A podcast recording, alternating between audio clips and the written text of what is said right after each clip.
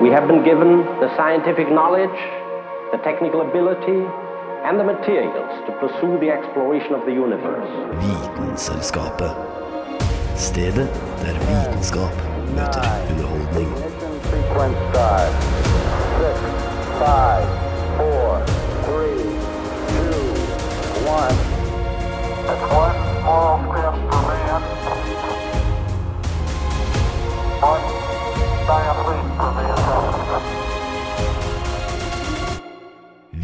Vitenselskapet. På Radio Nova. Nå har jeg en eh, viktig beskjed til alle våre lyttere, så følg med nå. I løpet av denne sendinga så bytter vi nemlig navn fra Vitenselskapet til Uvitenselskapet. Eller kanskje Sudovitenselskapet. I dag snakker vi nemlig om ting som folk tror eller har trodd har vært vitenskap, men som ikke har noen basis i vitenskapen. Altså pseudovitenskap. Og her er det deprimerende mye å ta av.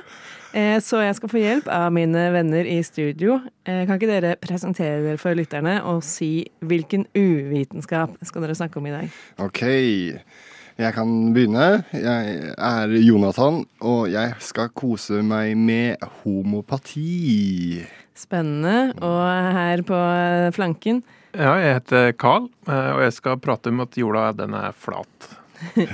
Eh, Og som om ikke dette var nok, så skal vi høre om krystaller, placebo og frenologi i dagens sending.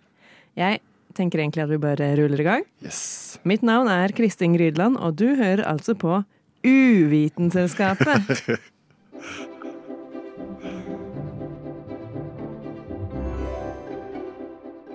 Ja, du hører helt riktig. Du hører på Vitenselskapet på Radio Nova.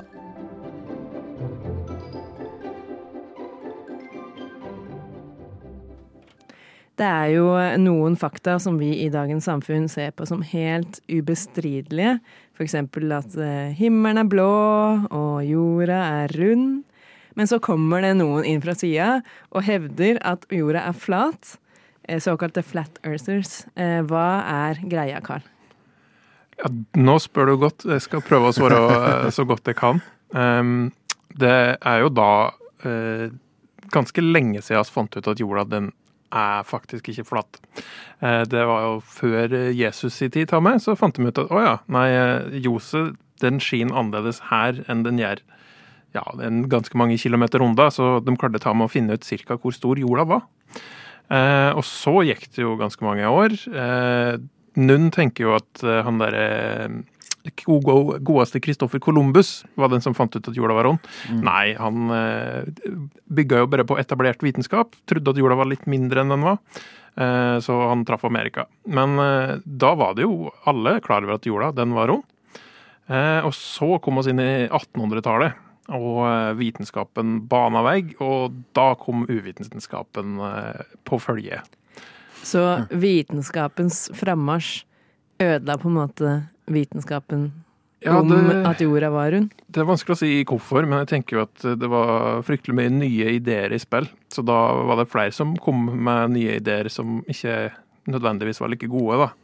Eh, Og da er det en som er Ja, han er grunnleggeren av Flat Earthers i moderne forstand, i hvert fall. Fyr som heter for Samuel Robotham. Som levde da Gjorde sitt virke på 1830-tallet særlig. Eh, Han skrev ei bok med det stilige pseudonymet Parallax. Parallax. Parallax. Høres mer ut som et romvesen enn noe annet, spør du meg. Det er jo Han bare blir Han ber jo bare om å bli tatt seriøst. Ja. Ja. eh, Og han eh, gjorde da noe eksperiment. Blant annet så fant han en fryktelig bein kanal. eh, Som han eh, fikk en båt til å seile på, så skulle han se mot horisonten da, og se at den båten den eh, forsvant jo ikke. Eh, og så viser det seg i ettertid at det, han ikke helt drev med god forskning, da. Nei, det vil jeg tro. ja. Hæ? Nei, så det her var tilbake til 1830 cirka, da. Og så har jo det ligget og ulma litt i bakgrunnen, men ikke, ikke sånn veldig populært eh, akkurat. Men nå som vi er på eh, i det 21. århundret, og eh, det er ganske lett å skaffe informasjon av varierende kvalitet på internett, så har jo det her blussa opp igjen. Eh, og ja, En ting er jo at den får for seg at jorda er flat, men eh, en ordentlig vitenskapsperson vil jo da bevise det òg. Og da er det jo eh, gjort noen moderne forsøk på det her. Og hvor mange av dem har lyktes? Nei, det, det er jo ingen som har bevisst eh, at jorda er flat, da vil jeg tørre å påstå. Eh, Men jeg kan jo fortelle om en fyr. En fyr som heter for Mad Mike Hughes.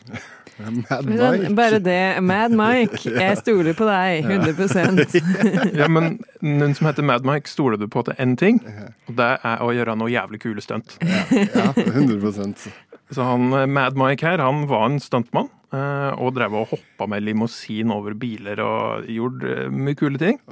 Eh, Og så, da han ble eldre, så begynte jo han å forfekte denne hypotesa om at jorda er flat. Mm. Og for å finne ut av det, så ja, da er det jo bare å reise opp og se. Så han bygde seg ja, En altså, rakett. til, til verdensrommet? Ja, etter hvert. Men han bygde seg en rakett, en heimeloggorakett, drevet på damp. Damprakett. Det er jo eh, veldig sånn eh, steampunk. Ja, og det, altså, det er jo veldig imponerende, bare det. Ja. Eh, og da først i 2014 og i 2018 så hadde han to oppskytninger fra ørkenen i USA. Kom seg en 500-600 meter opp i lufta. For det var ikke bra nok at noen har på en måte vært i verdensrommet, eller er i verdensrommet nå. Nei, det er desinform desinformasjon fra myndighetene, det. Å, selvfølgelig Eh, Fordi det er viktig å helle det hemmelig at jorda egentlig er flat. Ikke følge den for langt. Eh, Men fra 500-600 meter opp i lufta så ser det jo ikke så stort. Eh, Og så, enda litt seinere, så tok en og skjøt en rakett som mm, der den utløste seg for tidlig, fallskjerma, og så gikk eh, alt i grøfta, og han er dessverre ikke med oss lenger. Han ofra livet på jakt etter den flate planeten jorda. Han gjorde det. Eh, og så tror jeg ikke jeg vil ære minnet hans ved å påstå at den er flat, dessverre.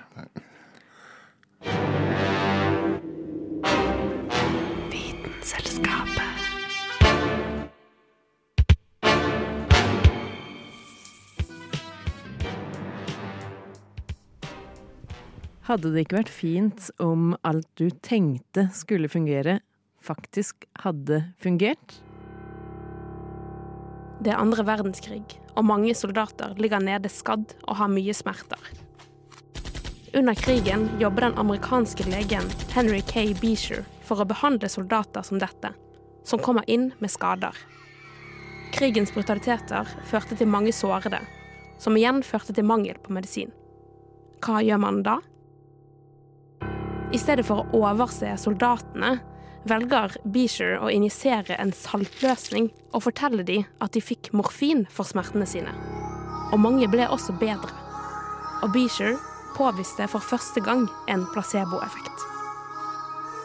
Etter krigen i 1955 publiserte han verket The Powerful Placebo, der han hevder at placeboeffekten er reell. Placeboeffekten er en effekt man får av medisin uten aktive virkestoffer, sånn som en saltløsning er. Dersom man tror man får en behandling og får vite hvordan den skal fungere, kan man få en opplevelse av at den faktisk fungerer. Dette med placebo blir ofte brukt i medisinsk forskning for å se på effekten av en behandling. Normalt blir forsøket designet sånn at én gruppe får en pille med det aktive virkestoffet, mens en annen gruppe får placebo eller en narrepille som ikke skal ha noe effekt. Dette gjør man for å sammenligne den faktiske effekten en type behandling kan ha. Men selv om placebopreparater er bare der for å såkalt lure forsøkspersonen, betyr ikke at man ikke kan få en effekt av det, altså en placeboeffekt. Og dette er ikke lureri. En placeboeffekt handler bl.a. om forventningen og troen på at dette her påvirker helsen. Og hvis man i tillegg føler seg sett av legen og får god oppfølging, vil dette også naturligvis bedre situasjonen. Det var altså Henry K. Beecher med sin publikasjon The Powerful Placebo som virkelig satte startskuddet for placeboeffekten. I denne artikkelen sammenlignet han totalt 15 forskjellige studier på bl.a. hodepine, forkjølelse, brystsmerter og smerter etter operasjon. Her påstår han å se placeboeffekter i alle tilstandene. Faktisk hele 35% av over 1000 pasienter fikk denne effekten. Altså bedring uten et aktivt virkestoff. Dette her høres jo helt fantastisk ut. At en så stor andel mennesker, uavhengig av tilstand, kan få bedre helse med saltvann? Eller er det for godt til å være sant? Flere forskere har gått i sømmene på denne publikasjonen og funnet mange feil. For omtrent alt som ble beskrevet som en placeboeffekt, kan bli forklart på andre måter. Man må nemlig huske på at vi mennesker er en kompleks organisme med mange systemer som hele tiden jobber for at du skal holde deg frisk. Som oftest så klarer kroppen selv å rydde opp i grumset. Og dette skjer om man får et placebopreparat eller ikke. Det var også tilfeller der pasientene fikk en annen medisin i tillegg til placebopreparatet. Og allikevel så var det placeboeffekten som ble lagt til grunn for bedringen. Jeg sier ikke at placeboeffekten ikke er ekte, men det kan være vanskelig å få faktiske målbare tall og resultater som kan bli vist flere ganger. Og det er vanskelig å skille mellom en placeboeffekt og at kroppen fikser det selv. Denne saken ble laget av Anna Vik Rødseth. Oh, it's fun. I mean, the natural world is just fun. Du hører på Vitenselskapet på Radio Nova. What more do you want?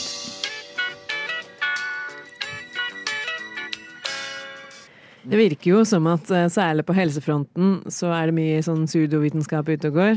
Og Jonathan, du har valgt å snakke om homeopati. Bare sånn for å ta det første først.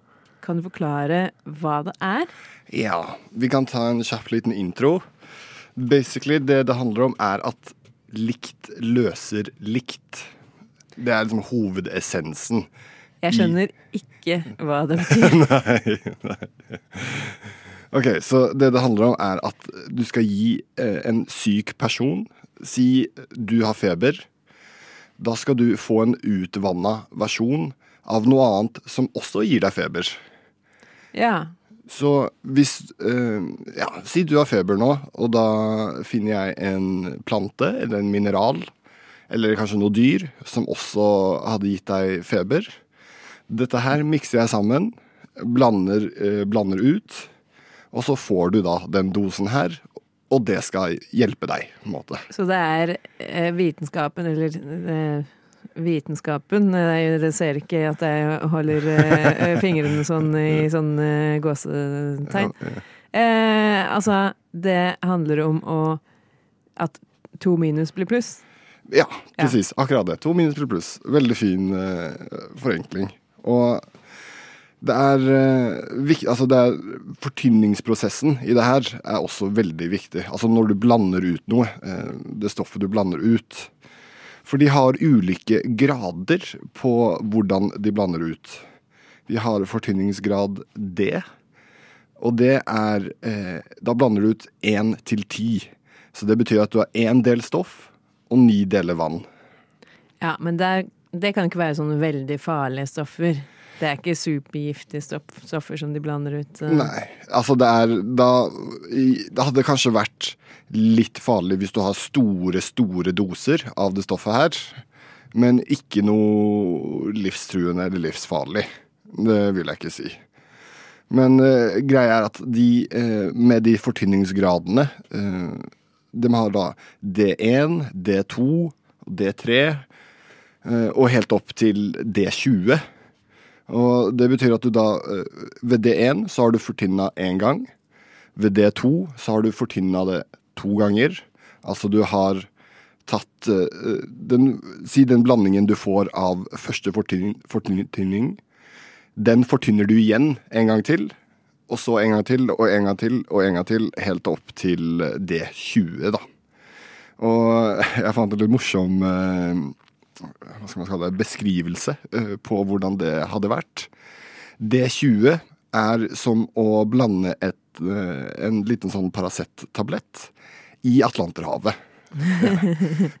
Såpass eh, stort har det blitt. Og det her er bare D. 20, altså det her er bare det. Vi har også en fortynningsgrad som heter C, og den er da 1 til 100. Hvor det er én del stoff og 100 grad, eh, 99 deler vann, da, for eksempel. Og når man da kommer opp i f.eks.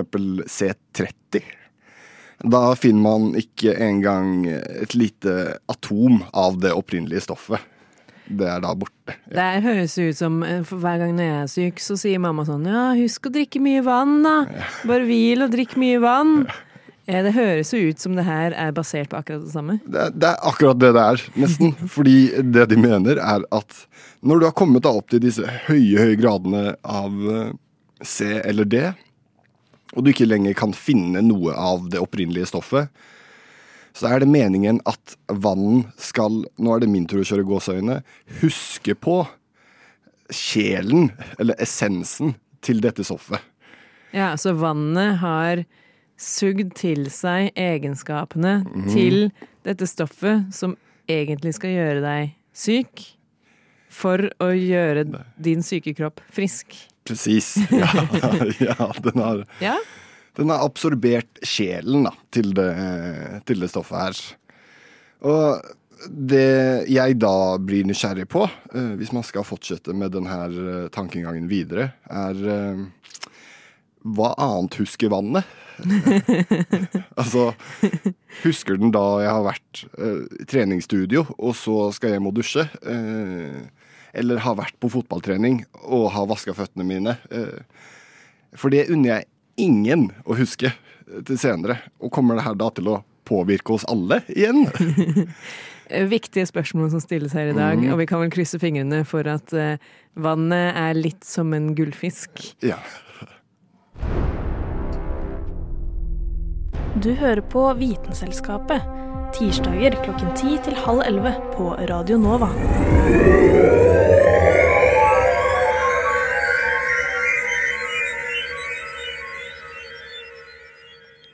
Blant alternativ medisin er det mange som tror på at krystaller har positive, ja til og med helbredende egenskaper. Men har de egentlig det?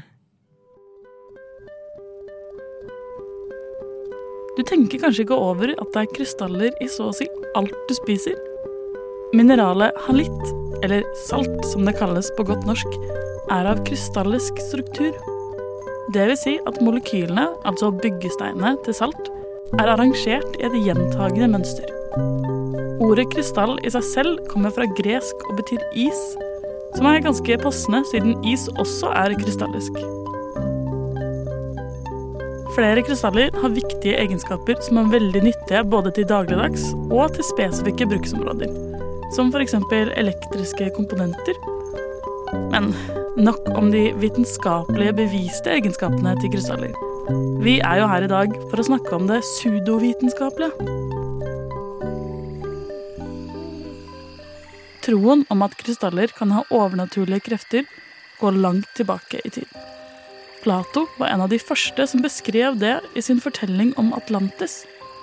Han trodde at krystallene kunne hjelpe deg med å lese og overføre tanker.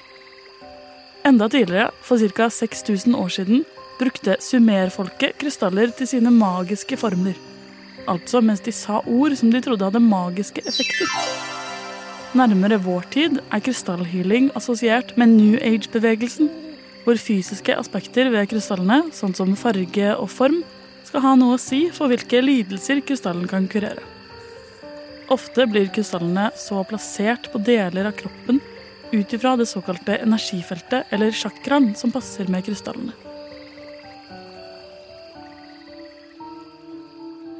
Når det kommer til vitenskapen bak disse så å si magiske effektene til krystaller, finnes det til dags dato ingen fagfellevurdert forskning som tilsier at de har noen effekt, utenom placeboeffekten, så klart. Det finnes heller ingen beviser for at chakra eller esoteriske konsepter for energi finnes, og det er derfor ikke mulig å vise til at krystallene kan ha noen påvirkning på disse. Flere studier har blitt gjort hvor deltakerne fikk meditere med en kvarts eller en annen identisk krystall, Og det ble ikke funnet noen vesentlig forskjell i effektene som disse hadde. Det er mest sannsynlig et produkt av det man kaller for kognitiv bias. Altså at man vil at noe skal være sant eller ha en effekt, og dermed kjenner man på den effekten. På verdensbasis er salg av krystaller en gigantisk industri. Men det betyr så klart ikke at de som faktisk går i gruvene, får godt betalt. Omtrent 0,1 av den endelige salgsverdien til krystallene går tilbake til de som faktisk arbeider i gruvene.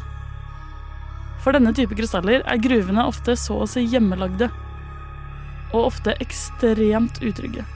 Det er heller ikke uvanlig at foreldre tar med barna sine ned i gruvene for å hjelpe til med arbeidet. Så hvis du absolutt skal ha deg en krystall, er det nok best å kjøpe den på et museum, eller rett og slett gå ut i fjellet selv.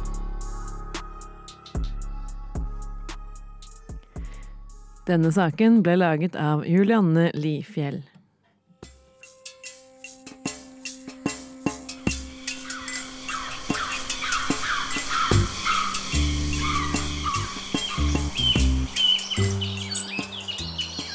Du hører på Vitenselskapet på Radio Nova.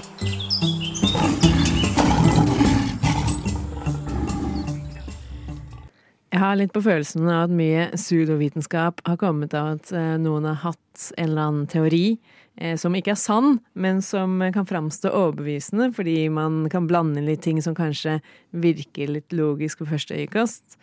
Og så begynner folk å tro på det og lete etter bevis på at det stemmer, da. Eh, og et eksempel på det, eller som jeg tenker er et eksempel på det, er frenologi. Som eh, var en greie eh, Det er forhåpentligvis ikke så mange som tror på det fremdeles. Ja, fordi hva dreier det seg om? Frenologi har rett og slett med eh, bulker på hodeskallen å gjøre. eh, og det var en uh, tysk lege, Frans Josef Gall, som uh, kom opp med denne ideen. For han tenkte seg at hjernen, eh, den, den blir liksom litt som en muskel, da. Og så at den har ulike felter eh, som styrer eh, egenskaper. Det kan være følelser, det kan være egenskaper som intelligens, for eksempel, eller sinne, eller den typen ting som har med personligheten å gjøre. Og jo mer du bruker av liksom det området, jo, eh, jo mer klemmer det liksom på hodeskallen. Så da buler det ut der hvor du på en måte har brukt den eh, muskelen, da, om man skal si det sånn. Eh, det, det begynner å bule ut på hodeskallen. Eh, så hvis du har klumper, eller liksom at den er forma At den buler litt ut eller buler litt inn, så har det noe å si for hva slags personlighet du har, da. Eh, hva du har anlegg for. Eh, og da tenkte han jo også at det her kunne jo f.eks. brukes til å finne ut hvem er det som har anlegg for å bli eh, kriminelle eller sinnssyke. Ikke sant? Så han eh, gjorde jo research og sånn, og undersøkte da hodeskallene til folk som var satt i fengsel, eller som var på sinnssykehus. Og så prøvde han å lage liksom et slags kart da, Av det her. av hodeskallens eh, form. Og basert på det så, så var liksom teorien da at, eh, at man skulle kunne klare å si noe om eh, personene. Eh, bare basert på at man tok litt på hodeskallen deres. Nå kjenner jeg at hendene mine går opp til hodet med en gang. Bare Ja. for å se om det er noe. Men eh, vi, kan jo, vi kan jo egentlig teste om det, om det er noe i det. Okay. Dere kan jo kjenne på deres egne hodeskaller. Ja. Jeg, har, jeg tok med et, eh, et sånt frenologikart her. Oh, yes, du gjorde det. Jeg gjorde det. Ja, jeg håpet du det. Eh, ja, selvfølgelig gjorde jeg det. Så jeg tenkte at dere skulle frenologiseres. Hvis dere klarer det med hodetelefonene på. Ja, ja, ja. Eh, så kjenn liksom utover eh, hodeskallen. Er det noen steder hvor det kanskje buler litt mer? Mm. Er det noen som kjenner det? Det beste er jo hvis man kjenner en kul eller noe sånt, nå da, men ofte så er det jo kanskje ikke så tydelig. Har du noe, Carl? Ja, bakkast. Ok, du Så- må vise. Det ser ut som det er ganske rett midt oppå hodet. Akkurat der den begynner å kurve nedover. Akkurat er der det jo, begynner å kurve nedover, ja. Er det en liten uh, Ja. En liten dolp. En, eh, og jeg kan gå innover. Ja. Ja, da skal vi se. Eh, På dette frenologikartet, da, jeg kan jo si hvordan det ser ut, det er da bild, en tegning av en mann, en manns hode, eh, med sånne Det ser ut som sånne karttegninger over hele, hvor det er liksom delt inn i ulike deler, da, som og hver har sitt tall. Så du sa at den uh, gikk liksom ned akkurat her rett før det begynte å bue, og det tror jeg Det, det virker som det er nummer 15. Og det er fasthet, støhet. Det har du lite av. Ja, Så jeg er uforutsigbar? Ja, vanskelig Nå er ikke jeg profesjonell frenolog. sånn at eh, jeg, jeg kan ikke ta alt jeg sier for god fisk. Men eh, det tror jeg ikke du kunne uansett om jeg var profesjonell frenolog eller ikke. Hva med deg, Jonathan? Er det noen steder som stikker seg ut? Ja. Eller stikker seg inn? Eh, Rett, rett, etter, rett under der Karl sa, tror jeg at jeg har en liten utbukning. Eh, Ok, at det buler litt ut? Det buler er litt det ut, ja. liksom bak, rett midt bak på hodet her? Ja, ja akkurat, eh, akkurat midt på hodet Ja. bak der. Det ser ut som det er nummer tre. Og det er da hjemmekjærlighet. Er du veldig hjemmekjær? Jeg er på ingen måte hjemme Kan vel Kanskje, avsløre men at du er fra Fredrikstad. Ja. Det er vel det motsatte til å være hjemmekjær. ok, vet du hva? eh, altså, det kan jo selvfølgelig hende at, eh, at jeg bomma litt på kartet her. Det kan hende at det er nummer to istedenfor. Barnekjærlighet. Er du glad i barn? Ok, fordi det kan tolkes et par veier, ikke sant? Ja, men, eh, men i dette tilfellet så er det sånn om man er glad i barn eller ikke. Ok, på en kjærlig eh, Eller sånn at På en ikke pedo måte. Ja, ok, Det er okay, bare for- det var sånn- det jeg ville ja. ha både. Nei, Og- for grunnen til at eh, det er delt inn sånn her, tror jeg er at eh, det, på et tidspunkt så ble det brukt sånn Lurer du på hvilken eh, kone slash ektemann du vil ha? Da burde Mm. du frenologiseres. eh. Oldtidens Tinder-type. Ja, altså litt sånn Dette her sier noe om deg. En sånn slags personlighetstest, da. Eh, Riktig, og sånn her kommer det til å bli fremover. Sånn, jeg ser på hodeskallen til han her, og han kommer ikke til å ta noe oppvask om ti år. Sånn type, ikke sant? Og han er ikke hjemmekjær. Ja, men det, det viktigste for meg er at eh, han er interessert i å få barn og, og sånt, og da ville jo det vært gull, da. Da hadde det vært veldig fint. Ja. Men er du på en måte Liker du barn? Ja, absolutt. Jeg ser på meg selv som eh, et uh, lite barn, holdt jeg på å si. Litt barnslig, i hvert fall. Og jeg liker jo meg selv, så uh, ja. Men uh, det her er jo et eksempel på en ting som Det virker kanskje litt grann logisk på en måte, hvis man ikke har noen peiling på hvordan hjernen og hodeskallet eh, fungerer, så kan jeg tenke meg at man kan ha trodd på det. Ja. Men selv på 1800-tallet så var de frenologene nesten mer sånn omreisende sjarlatan-type som du betalte for en eh, Litt sånn spåkoneaktig, da. Ja. Så eh, jeg vet ikke hva vi skal eh, si ut fra vår lille test, eh, om, eh, om vi tror på det eller ikke. Altså, jeg ble mer overbevist etter den vi Ble du det? Ja. For ingenting stemte da. Men det som er med vitenskap også? Man må gjøre masse forsøk Ja. før man kommer frem til svaret. Og... vi får bare prøve og prøve, og det kan lytterne også. Kjenne etter på hodeskallen. Har dere noen klumper der, eh, noe som stikker veldig ut, gå til legen. Det er ikke normalt.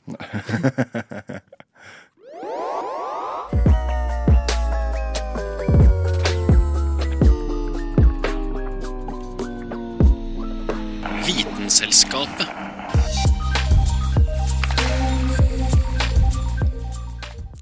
Yes, det var det vi rakk i dagens eh, Uvitenselskapet. Eh, vi har snakka om eh, ting som ikke egentlig er vitenskapelig, men som mange kanskje tror er vitenskapelig, som altså da ikke er bevist. Ja, og jeg vil bare også si det der med at homoepati det er noe av det mest utbredte. Og det er altså milliard, milliarder av kroner inni det her. Så det blir definitivt trodd på, uansett. Det er veldig dyrt vann, da. Ja, veldig. Yes. Med meg i studio så har jeg da hatt Jonathan Malberg og Carl Adams Kvam. Mitt navn er Kristin Grydland, og du har hørt på Uvitenselskapet. Yeah!